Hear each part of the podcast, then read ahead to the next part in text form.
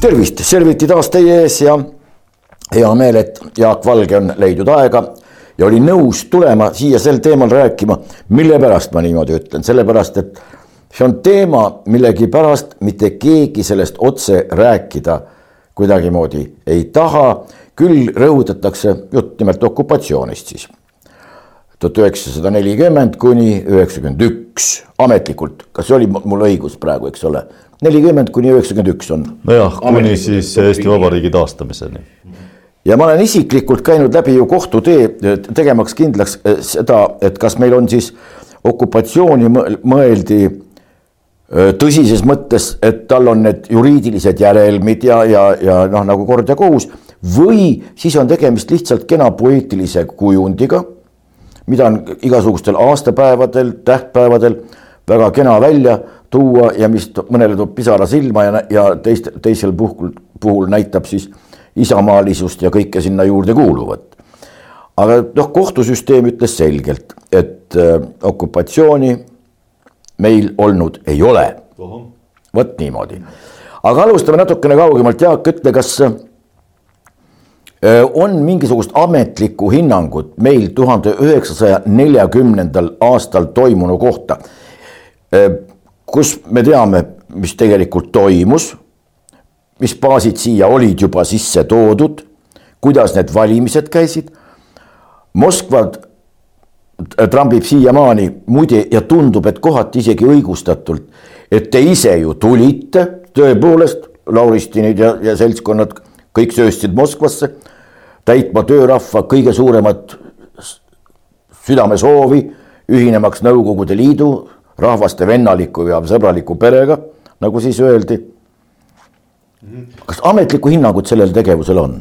ja, et kõigepealt siis Andres, aitäh mind sinna siia saatesse kutsumast. et ma katsun siis natukene koos sinuga seda pähklit pureda, nagu ma enne ütlesin, et olen ma siis ka ju lihtne ajaloolane, mitte, eks ole, jurist ja, ja eks see juura on selline ju, ei ole ju selline täppisteadus, nagu sa tead, et ta on ikkagi ka väga poliitiline teadus. nüüd on see küsimus, et mida sa sellise ametliku hinnangu all nagu mõtled?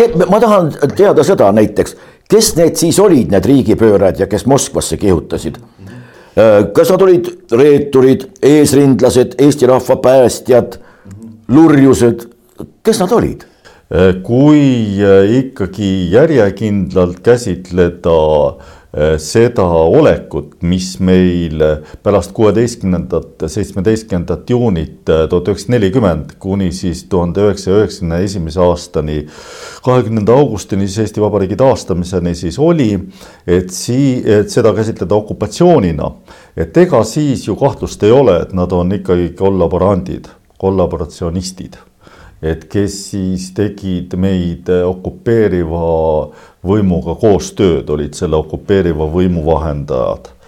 ja nüüd ähm, aga ütleme, et küllap siis see ajalooline situatsioon ka mõneti ähm, noh, kuidas öelda, et õigustab või õigemini põhjendab mingil moel osade äh, võimuga koostööd tegijate käitumist, eks ju. noh, ilmselgelt ei põhjenda äh, või ütleme, et eetiliselt äh, on raske õigustada nüüd äh, tõesti nende juunikommunistide käitumist, eriti nende Ladviku käitumist tuhande üheksasaja neljakümnendal aastal, noh, Vares Barbarus ja Johannes Semper või Hans Kruus, eks ju.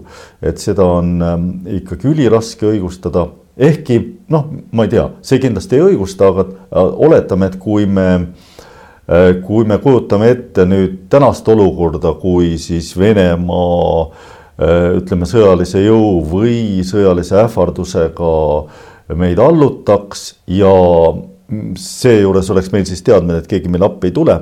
et noh, ilmselgelt oleks meil praeguses situatsioonis tekiks ka selliseid äh, äh, Vene režiimiga kaasajooksikuid või kaasaaitajaid.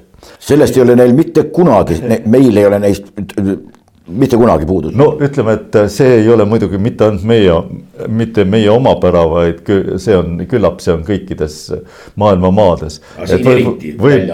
ei tea, selles ma ei ole veendunud, aga et isegi, et isegi kui me nüüd märkame seda, et kuidas Afganistanist Ameerika väed siis põgenesid täiesti kabuhirmus, eks ole, või, või evakueerusid, et siis mm, Ehm, et isegi me peame siis täheldama, et noh, et sedavõrd noh, iseseisvad ja teisest, teise kultuuriruumi, teise eetikaga ehm, eh, elanikkond, nagu on siis eh, Afganistanis, et ka seal siis leidus selle okupatsiooni puhuks küllaga ja küllaga neid kaasajooksikuid ja selle okupatsioonirežiimi teostajaid. nüüd ja, et, et ma arvan, et ma olen sinuga ühel meelel sellel teemal, millele sa juba nagu vihjasid, et nüüd äh, need äh, Nõukogude režiimiga ähm, kaasajooksikud, ütleme tipptasemel, et neid on, siiski ei ole Eestis noh, piisavalt järjekindlalt defineeritud sellistena, nagu nad on, eks ole.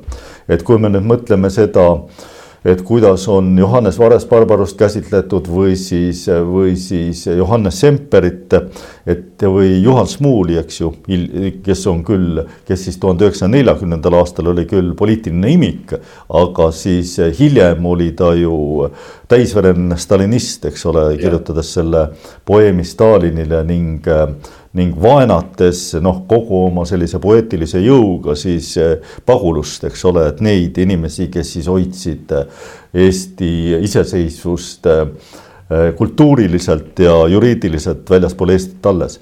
et neid inimesi on pigem nagu ülistatud, eks ole, et nende on ära unustatud nende poliitiline käitumine on keskendutud, keskendatud ainult siis nende kirjanduslik kõikele sellistele saavutustele, mis on ka kindlasti olemas, et seda ei saa kuidagi, kuidagi väita, et neid ei ole. aga noh, ega minule on ikkagi natukene siiamaani arusaamatu, et kuidas kirjanike liidu maja ehib siis eh, Juhan Smuuli, eks ole, see bareljeef, eks ju, et see, ta on nagu Ehm, et mu, et, et tõesti, et ilmselgelt on tegemist noh, andeka inimesega ja ilmselgelt ka siis sellisest stalinismist ju sellisest autentsest stalinismist ta ju loobus pärast. nojah, vot aga siin ongi, no, no kasvõi, kas ma toon korraks vaid hüppan, toon sellise näite. no tolleaegseste juunikommunistide võsud siiamaani on meil kas teenitult või teenimatult, jätame selle kõrvale, on siiamaani väga kõrgete postide otsas ja, ja korraldanud meie ühiskondlikku elu.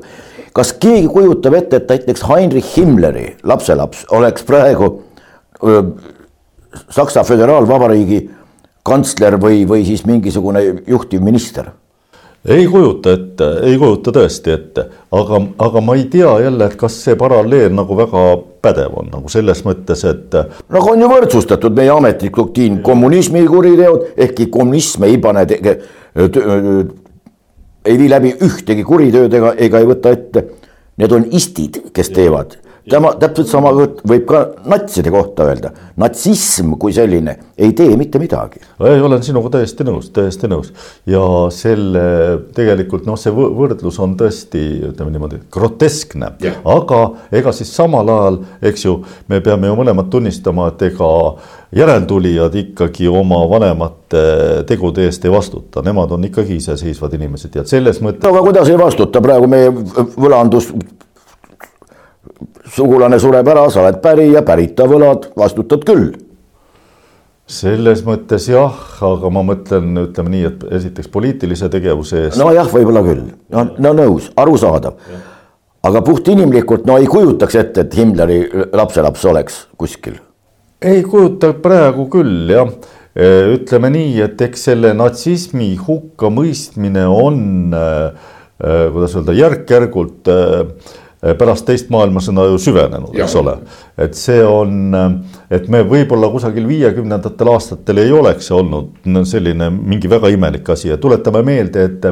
et näiteks Hjalmar Mäe töötas ju Austrias siis ütleme Austria valitsuse administratsioonil osakonna juhatajana, kui mul õigesti meeles on, noh iga, igatahes, igatahes kõrgel kohal, eks ole.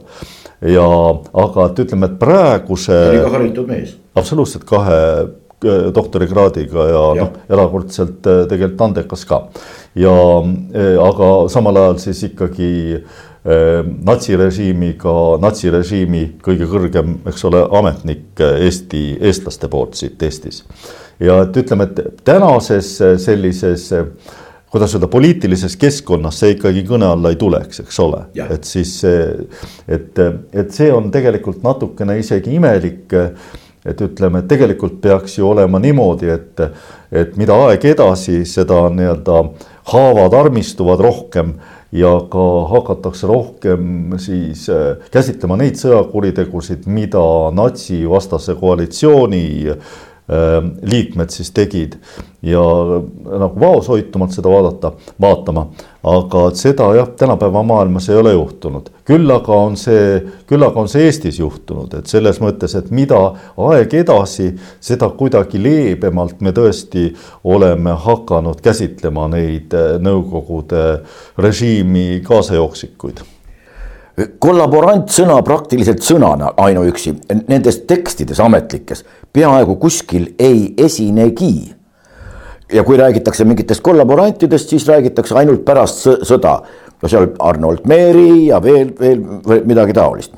aga huvitav on näiteks see, kui Mart Niklus ja väga paljud teised Pärnast, Tartu, hiljaaegu Manalasse läinud seesama Niklus, Jüri Kukest loomulikult rääkimata, väga paljud on, on kannatanud selle režiimi käes ja näiteks Mart Niklus on korduvalt kirjutanud avaldusi, toonitan avaldusi Eesti Vabariigi prokuratuuri korduvalt, et palun alustada menetlust seoses minu represseerimisega toimetatud, toime pandud, mis minu suhtes toime pandi ja paluks alustada menetlus asjaolude ja isikute ringi väljaselgitamiseks, kes sellega vahetult seotud olid, vajadusel ja võimalusel ka isikute vastutusele võtmiseks. ja alati on tulnud sealt prokuratuurist selline vastus.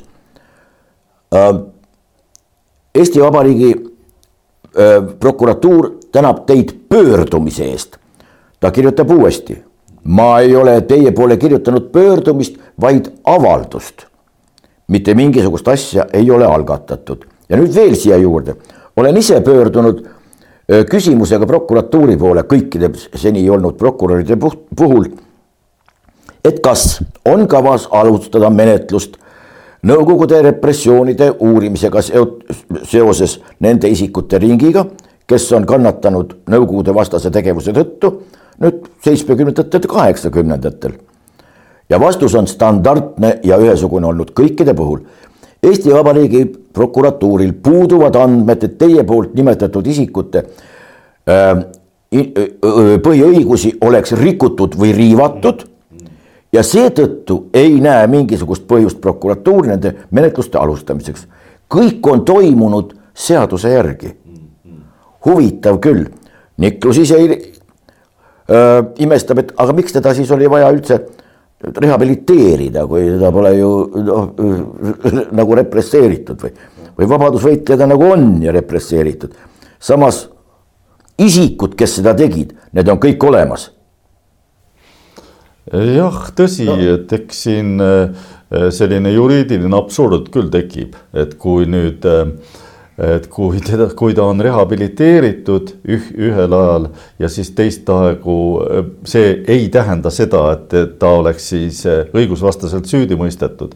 et siis on siin nagu niisugune konflikt on siis sees. jah, et keegi peab, et noh, et siis ta, ta ei saa mõlemat korraga siis olla ja, ja kuidagi noh, kui me ikkagi tun-, tunnistame seda, et Mart Niklus siis vangi pandi eh, sellesama režiimi vastu võitlemise eest. kõige puhtamal kujul ja,. jah, jah, sellesama režiimi vastu võitlemise eest, eh, mis Eestit okupeeris.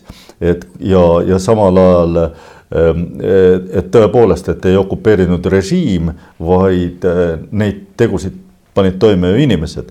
et siis väga huvitav, et kuidas neid inimesi siis üleüldse ei olegi enam ja, ja, või ei suudeta neid siis tuvastada. ei, ma ei saa sellest aru, ütleme, et ma saan muidugi sellest aru, et et on üheksakümnendatel aastatel jäi meil teostamata desovetiseerimine, dekoloniseerimine ja sellest tulenevalt siis liiga palju endise režiimi mm, töötajaid või ametnikke jäid siis meile sujuvalt äh, Äh, tulid siis Eesti Vabariiki edasi ja loomulikult nende huvides ei ole siis taolise õhu puhtaks löömine mingi, mingil määral. suurel määral oli tegemist ju ümbernimetamisega, lihtsalt sest isikud jäid samaks. ja kui vennad Voitkad metsas ennast peitsid kunagi äh, sõjakomissariaadi eest, noh miilitsad ajasid neid taga siis vahepeal oli võim muutunud, aga taga ajasid neid ikka samad inimesed see on jah, see on jah kummaline, kurioosne ütleks, mitte kummaline. seda on, sellele on tähelepanu juhtinud, juhtinud ka mitmel puhul Mart Niklus ise, et lihtsalt on toimunud paljudel juhtudel ümbernimetamine ja, ja tänu sellele sisu on nagu samaks jäänud või? no raske oleks temaga mitte nõustuda ja noh, see ei puutu, eks ole, mitte ainult Mart Niklusse, Mart Niklus on ja, olnud tänuväärselt aktiivne sel teemal, aga see puutub ju väga paljudesse inimestesse, eks ju, kes on siis, keda siis represseeriti Nõukogude režiimi ajal. Äh,. Enn Põlluaas teiste hulgas on väga palju võtnud ka piirilepingu teemal sõna ja sõna Petserimaad enam üldse no see on jällegi puhtkeeleliselt ei ole näiteks üldse kasutatud see viis koma kaks protsenti, nimetatakse Setumaa ja Setumaa. aga terve Petserimaa, ajalooliselt on see ikkagi ju nagu, ma saan aru, et Eestimaa. eks ta on, ähm, et ütleme, et eks see, eks see Eesti idapiir on natukene selline nii nagu muide ikkagi ka lõunapiir on siis natukene selline hajuv aga siiski Tartu rahulepinguga see piir niimoodi kokku lepiti, et tegelikult nagu neid Eesti külasid oli ju ka Peipsi taga, aga nad asetsesid seal vene külade vahel ja ja ütleme niimoodi, et, et noh, et sealt nagu seda ter territooriumi nagu niimoodi selgelt piiritleda Eesti poole nagu ei andnud, eks ju ja, ja samamoodi siis ka Narva-tagusel alal, eks ole.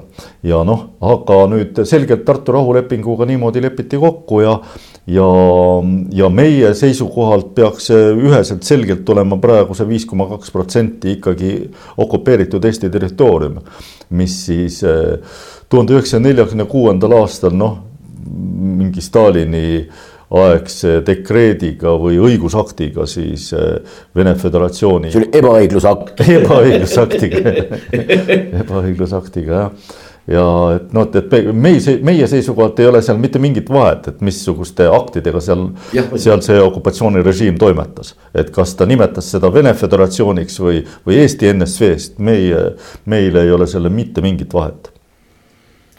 kuidas üldse näiteks vapside puhul no vapside teema on sulle niisugune eriti südamelähedane, ma tean.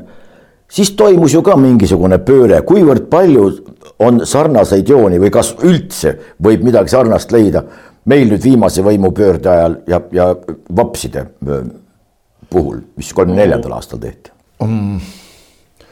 kuidas nüüd öelda, ega ta ei äh, et ega me selle viimase võimupöörde anatoomia noh, saame võib-olla teada võib-olla aastakümnete pärast, et kuidas, kes, keda siis mõjutas ja, ja kas seal siis olid ka jõustruktuurid mängus või ei olnud.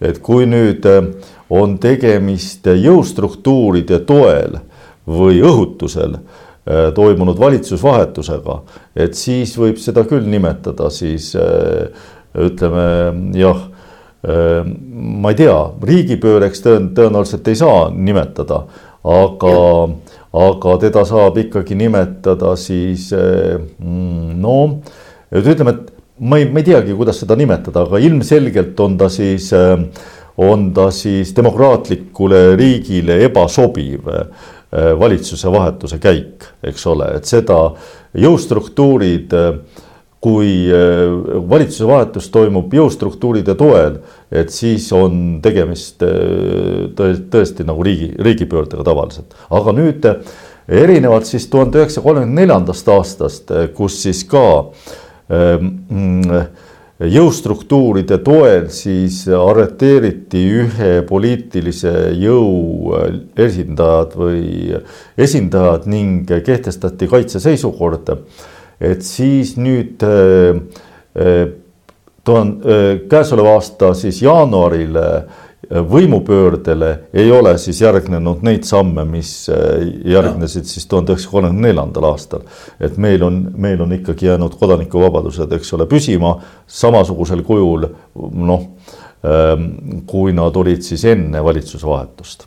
et selles mõttes see tuhande üheksasaja kolmekümne neljanda aasta pööre ja kahe tuhande kahekümne esimese aasta pööre ei sarnane tähendab jah, võib, võib-olla ma, ma lihtsalt hakkasin mõtlema, et kas võib-olla äkki leiab siit ajaloo kontekstis mingisugust no,. ja, et nii palju siis, et, et toona oli see siis teostatud jõustruktuuride toel ja praegu me ei tea hetkel, kuivõrd olid jõustruktuurid sellesse valitsusvahetusse hõlmatud. mainisid ka äh, eksiilvalitsuse tegevust, et ta tegelikult juriidiliselt kandis edasi seda Eesti Vabariigi järjepidevust ja selleks oli ta meil hea küll, aga nüüd ma toon niisuguse pisikese näite. näiteks kui oli Kaitseliidu taastamine aastal tuhat üheksasada üheksakümmend. see oli muide aeg, kus äh, siin oli veel Nõukogude võim, püsis noh, kui, kuivõrd-niivõrd, aga Tartu rajooni sõjakomissar oli keegi Ants Laaneots. ja te, tema ajas veel siis sõduritega poisse kodust taga, et saaks Nõukogude sõjaväkke kuidagi ikka nad suunata. no sellega ta, millega ta pidi tegelema, selles mõttes oli, oli ju ka sõjakomissariaat teistpidi repressiivaparaat, mis tegeles seadusevastase tegevusega Genfi konventsiooni mõttes okupeeritult alalt okupeerijate sõjaväkke sundvärbamine aga kui Kaitseliitu taastati tuhat üheksasada üheksakümmend, siis Eesti eksiilvalitsus annetas mitmele aktiivsele taastajale auastmed. täiesti seaduslikult, noh, ta oli eksiilvalitsus. ja neid praegune Eesti valitsus ei arvesta. Nad on ikka reamehed Nõukogude armeest siis või kuidagi või, või, või, või, või midagi taolist. igal juhul. nüüd on siis kaks asja eksiilvalitsuse poolt antud auastmeid, mis peaks olema nagu seaduslik, neid ei arvestata, küll aga arvestatakse Nõukogude ehk siis ma saan aru, okupatsiooniarmee auastmeid. jah, see on jälle kurioosne küll. et eks see on äh, ikka seesama asi, et äh,, et need äh, okupatsioonirežiimi struktuurid ja inimesed äh, nii nagu sa nimetasid, et tulid nagu sujuvalt siis tervete asutuste kaupa, eks ole, siis Eesti Vabariiki üle. ja, ja siis on loomulik, et on nende, nende suur tõrge siis tegelikult äh, eksiilvalitsuse vastu ja eksiilvalitsuse tegevuse ja kogu poliitika vastu. et eks sellel ületulekul on on nii positiivseid kui negatiivseid jooni, ütleme nii, et, et eks vaatame seda positiivselt, positiivsest plaanist. Et see on ju noh, umbes tõesti nagu äh,, nagu praegu, ma ei tea muidugi, mis seal edasi saab, et ei taha ära sõnuda, aga et umbes nii nagu äh, Talibani kätte kukkusid siis kõik need kollaborantide äh, sõjaväeosad, terved äh, nende relvastuse ja, ja kõige muuga, et nad tulid nagu täiega siis Talibani poole üle, mistõttu siis Taliban võttis selle võimu üle veretult eks ju, et eks siis meil ka toimus see pööre ju veretult ja suurem osa väga-väga vähesed eestlastest ütleme, nomenklatuursed tegelased siis jäid nagu nii-öelda täiesti teisele poole. tegelikult mingil hetkel seda teist poolt ju ei olnudki, eks ole, et kui, kui kui Jeltsin ja, ja Gorbatšov Nõukogude Liidu likvideerisid, eks seda teist poolt justkui, justkui ei olnudki. aga et igatahes, et suurem osa nendest tuli siis ja võib-olla ka varem äh, tegutses mingil moel juba Eesti Vabariigi äh, või vähemalt eestlaste huvides või vähemalt siis pehmendas, ütleme seda äh, Nõukogude režiimi lõpuaegade noh, represseerimise võimalusi, et see on, see on kõik nagu positiivne. Ja et ja tõesti, et meil see, meil ka see pööre, pööre oli siis veretu. Aga, aga mida ei ole juhtunud, noh, ei ole juhtunud nagu sellist noh, noh, sellist nagu andeks vabandamist või andeks palumist selle selle okupatsiooniaegse kollaboratsiooni eest, et nagu sihukest selget vahet ei ole sisse tehtud, eks ole. et see, et noh, et, et pigem lihtsalt sellest ei räägita, eks ole, sellest ei räägita. see ongi kuidagi, minnakse möö-, sellest mööda, täpselt samamoodi nagu no tõtt-öelda ma, ma ei tea, kellena tuli siia Eesti laskurkorpus, marssis sisse äh, tuhat üheksasada nelikümmend neli. kas ta oli siis okupatsiooniarmee, kas nad olid okupandid, olid nad vabastajad? no kui ütled, et vabastajad, siis ilmselt viskab sind suur osa inimesi tomatitega. ega ta nagu vabastaja ka ei olnud. aga need meie oma poisid, kes sealt rindele, teada oli, mismoodi nad sinna rindele enamuses sattusid ju ega, ega nendel oli ka mõlkus ainult ikka, kuidas sõda läbi saaks ja kodu ja kas, kas lähedased on elus ja, ja, ja kuidagimoodi ükskord see õudus läbi saaks. Kas nad olid siis ka okupandid, kas Raimond Valgre, sõduri Sinelist, mis ta oli okupant siis või? põhimõtteliselt, kui järjekindlalt no, käsitleda, et siis nad on okupandid jah, et eks nad olid sunnitud okupatsioonirežiimi teenistusse. Ja noh, ütleme, Tallinnas Ehm, ma ei tea, võib-olla loobiti neid tomatitega ka, aga põhimõtteliselt inimesed ikkagi kartsid nagu Nõukogude vägesid, kes siia sisse marssisid, et äh, üritati siis Tallinnast äh, vähemalt mõneks ajaks siis maale minna, kui siit mitte päris nagu läände põgeneda. ja, aga jälle, ega siis teisest küljest, teisest küljest oli võib-olla see hea et just Eesti laskurkorpuse väed olid need, kes äh, hõivasid Tallinna esimesena, et see võib-olla siis äh, säästis nagu siis Tallinna elanikke, neid, kes siia selle, sellel septembris oli, tuhat üheksasada nelikümmend neli olid jäänud siis ka noh, suuremast vägivallast, eks ole, et see ikkagi, et, et laskurkorpus käsitles seda ikkagi oma maana, ehkki jälle no kui me nüüd laskurkorpusest räägime, et tegelikult, et ega seal väga palju ütleme, et ei olnud enam neid mehi, kes siit siis eh, tuhande üheksasaja neljakümne esimesel aastal mobiliseeriti. et need mehed said ju suuresti hukka öö, eh, oma töölaagrites, noh, et tõepoolest, mis siis ju näitab ka seda, et Nõukogude Liit ei käsitlenud neid mingite usaldusväärsete selliste sõduritena, vaid pani nad, pani nad eh, suveriietes puid langetama, eks ole, hoopis noh, mis suveriietes, aga, aga igatahes mitte ka talveriietes. ja hiljem, hiljem siis eh, need mehed siis kandsid ka suuri kaotusi, siis ka Veli, Velike Luukis ja mujal siis Neevelis ja, ja pärast eh, veel Eesti okupeerimist siis ka Kuramaal ja siis või siis Eesti okupeerimise käigus siis, siis Saaremaa lahingutes, Sõrvesaare lahingutes. et ega nendel nagu kerge ei olnud ilmselgelt ja, ja ilmselgelt ei võidelnud nad äh, noh, kuidas öelda, Eesti Vabariigi eest, et nad ikkagi, et nende motiiv tõesti, et ainus motiiv võis siis olla tõesti, et kodu, koju tagasi saada mingil moel. ma käisin mõned aastad tagasi Velike Lukis muide. Ja. ja seal on terve muuseumi osastu või, või osakond puhtalt Eesti laskurkorpusele. No värsked lilled olid, seal on suur vana kindluse niisugune vall, seal peal on tohutu suur monument, mis on kahekümne Eesti laskurkorpusele pühendatud.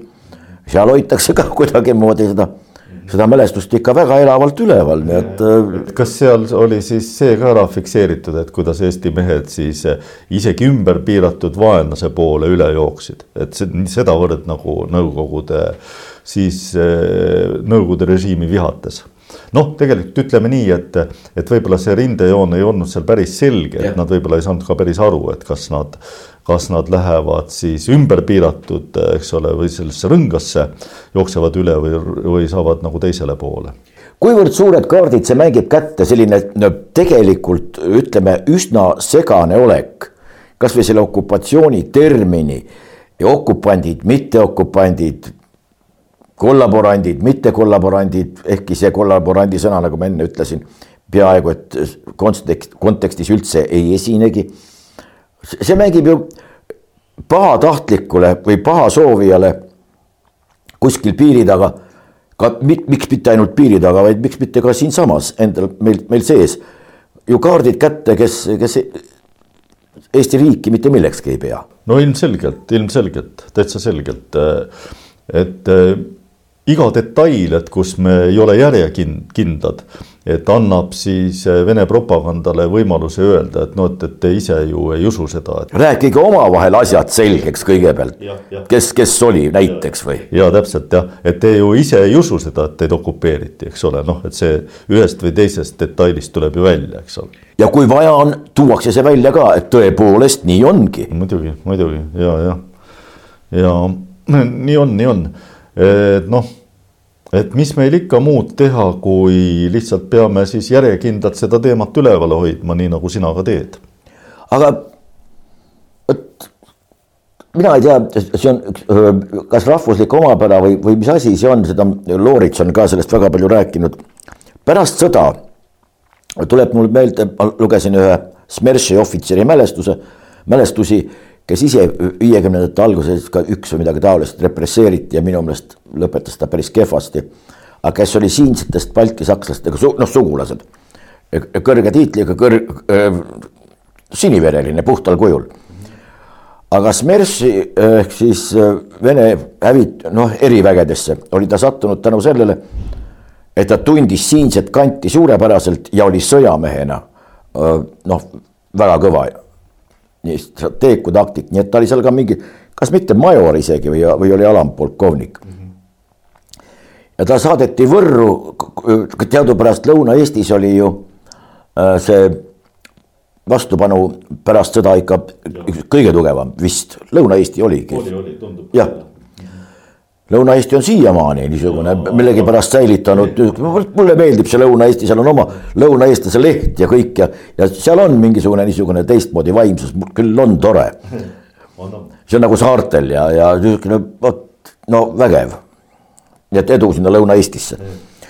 ja, ja seal oli vastupanu liikumine eriti äge ja kutsuti kohale.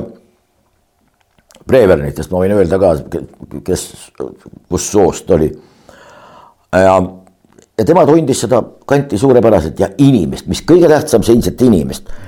ja ta andis, kas see oli nelikümmend kuus või nelikümmend seitse, tuhat üheksasada muidugi. andis välja sellise teate, et kolm, kolm päeva aega ja kes tuleb rahvamajja. annab relvad ära, see saab paberid, täieliku amnestia, kõik unustatud. ja ta ise kirjeldas, et hommikul hakkas tulema, ütles, et kaks püstolkuulipild oli tal laua all.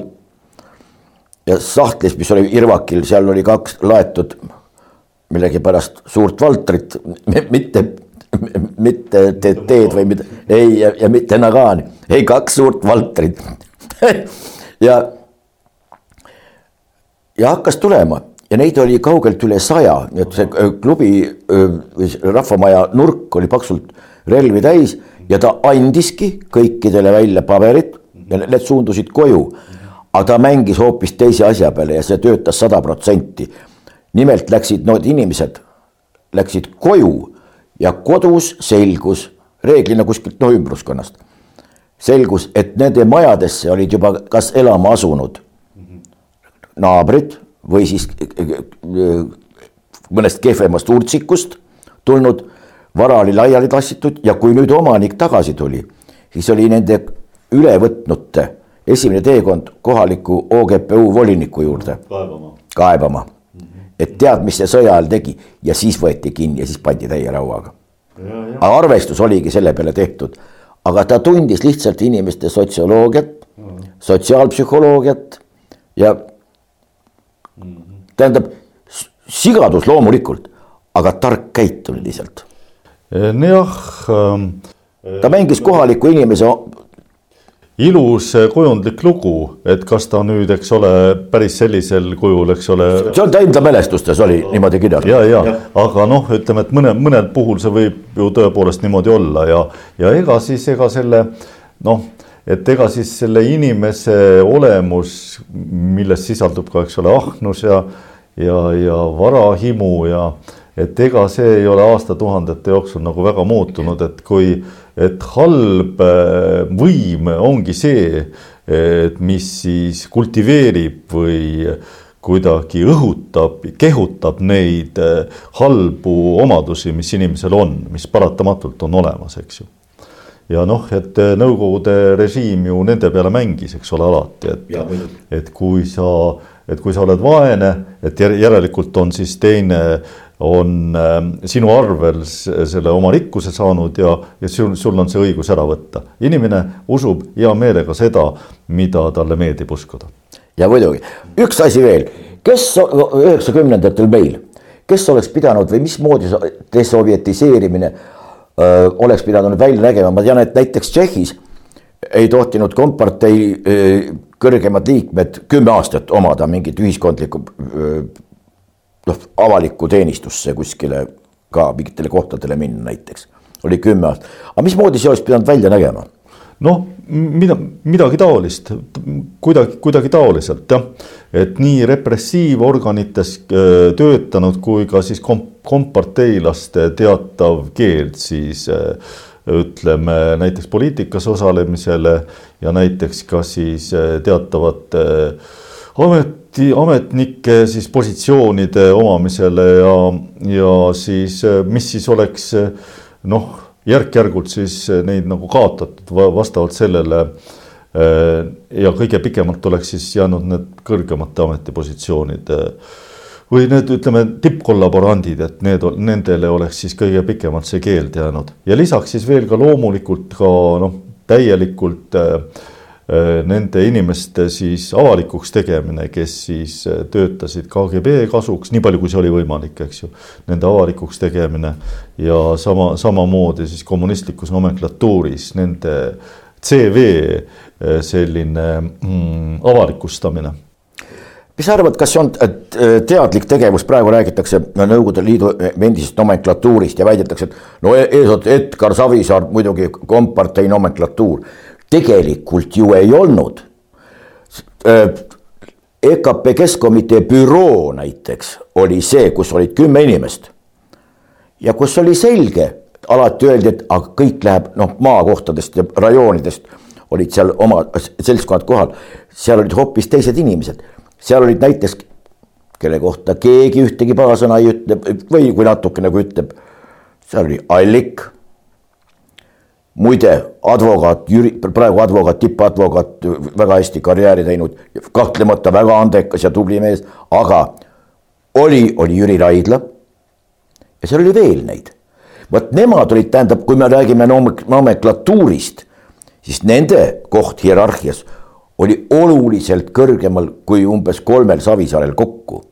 ja noh, ilmselge, et eks see nomenklatuur siin on jah, nagu mitu kategooriat see vabariiklik nomenklatuur ja üleliiduline nomenklatuur ja ja lisaks veel siis repressiivorganid äh,, ametnikud kuulusid sinna mingisuguse oma loogika alusel siia või sinna. aga siis äh,, aga, aga küllap äh, noh, niisugused üldistused lihtsalt on paratamatud. et noh, et noh, et, et üleüldse ei soovi nagu siis väita seda, et et äh, karjäärikommunistide hulgas ei oleks olnud siis eestimeelseid inimesi. loomulikult, loomulikult oli, aga et lihtsalt, et kui me tahame mingilgi moel, nii nagu ilmselgelt olid ka natside hulgas, eks ole, täiesti selgelt, eks ole.